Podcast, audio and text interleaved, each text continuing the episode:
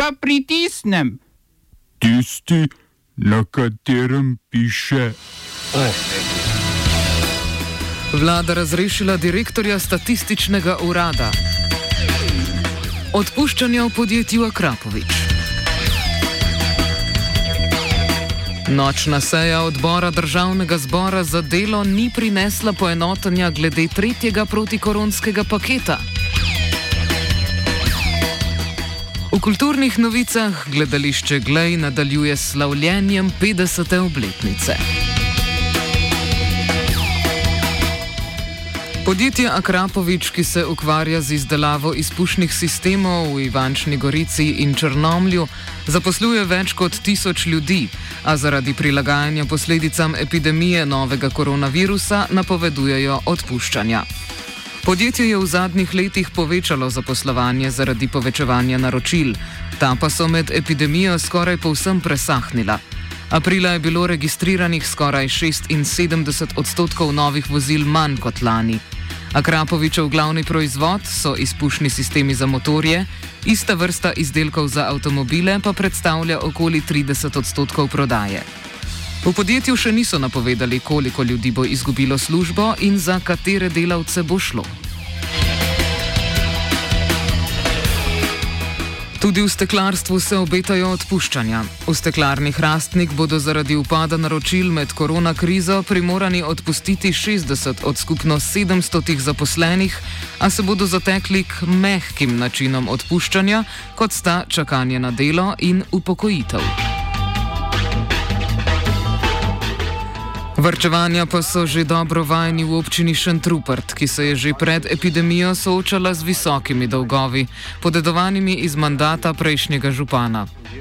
Občina je zato, da bi se končno rešila tega bremena, na trg tudi uradno postavila javno podjetje Energetika Šentrupert govori aktualni župan Andrej Martin Kostelec. Mislim, da če bomo to uspešno prodali, na koncu tega leta bi prišli v neke, bi rekel tako rekoč, bolj normalne eh, finančno sliko v občini eh, v primerjavi z poprečjem zadolževanja občin v Sloveniji. Eh, trenutno smo eh, eh, ta druga naj, eh, eh, bi rekel, zadolžena občina kar, za kar nismo prav ponosni, bi rekel, tako da moramo to nujno eh, popraviti, to sliko, da bomo eh, tudi na ta način eh, im, dobili pogoje, da se bomo normalno lahko eh, poslovali, pa tudi eventualno za kakšne druge investicije lahko eh, našli financiranje na, na finančnih trgih. Več o javnih financah Šentruperta pa čez dve uri v oddaji Offside.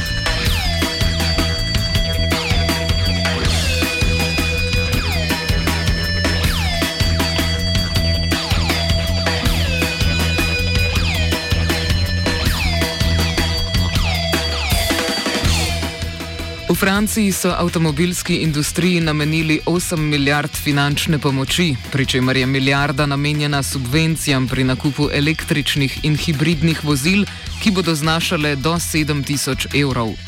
V zameno za finančno pomoč sta Renault in skupina PSA, h kateri med drugim spadata tudi Peugeot in Citroën, obljubila, da bosta produkcijo vozil usmerila v Francijo. Prav tako pa ima predsednik Emmanuel Macron cilj, da bi do leta 2025 proizvedli milijon električnih avtomobilov letno. Posledice krčenja proizvodnje že čutijo tudi v novomeškem revozu, ki je ukinil nočno izmeno. Prvi bodo brez dela ostali agencijski delavci.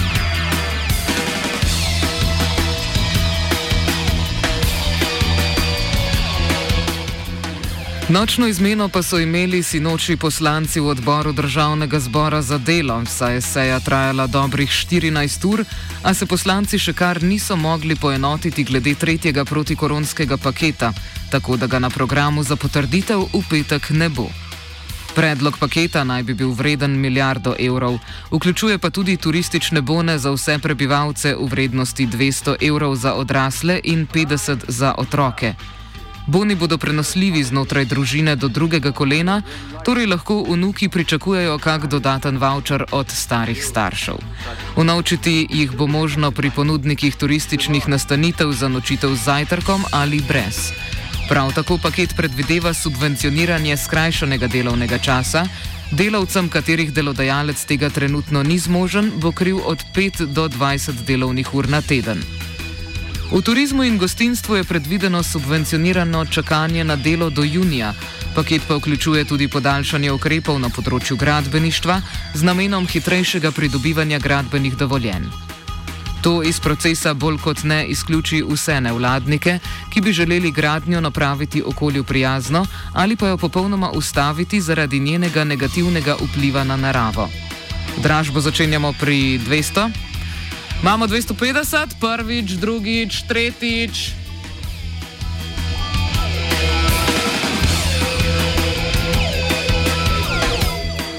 Na odboru državnega zbora za obrambo je bil zavrnjen predlog za aktivacijo 37a člena zakona o obrambi, ki bi vojski podelil policijska pooblastila pri patruljiranju južne meje. Begunci pa to. Branko Grims, poslanec SDS, zatrjuje, da se obeta nov val množičnih migracij. Andrej Černigoj iz NSI pa trdi, da begunci na meji množično kradejo lastnino tamkajšnjih prebivalcev. On bi že vedel. Na Ministrstvu za obrambo bi radi uredili tudi status vojakov po dopolnjenem 45. letu.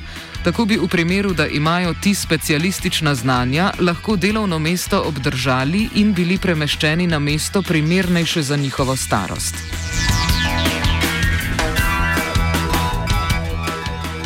Vlada je prvič v zgodovini Slovenije razrešila generalnega direktorja statističnega urada. Gre za Bojana Nastava. Ta je bil na pozicijo izvoljen avgusta lani, kot vršilec dolžnosti pa ga bo nadomestil Tomaš Smrekar. Vlada ima načeloma pravico predčasno razrešiti generalnega direktorja, če bi zaradi neustreznih odločitev prišlo do moten v delovanju Sursa. Kje so te motnje zaznali, ni jasno. Prav tako pa je nastal o svoji razrešitvi izvedel iz zapisnika dopisne seje. Tudi predsednica statističnega sveta Sursovega posvetovalnega in strokovnega telesa Anoška Ferligoj pravi, da razlogov za raz razrešitev niso prejeli. Dobili so le vladni sklep. Smrekarjeva glavna naloga bo spremljanje učinkov vladnih ukrepov za omilitev vpliva epidemije novega koronavirusa, pri tem pa bi sodelovala posebna vladna svetovalna skupina Mateja Lahovnika. Vlada bi torej spet rada preiskovala samo sebe. Zakaj takega pa seveda potrebuješ direktorja prave barve?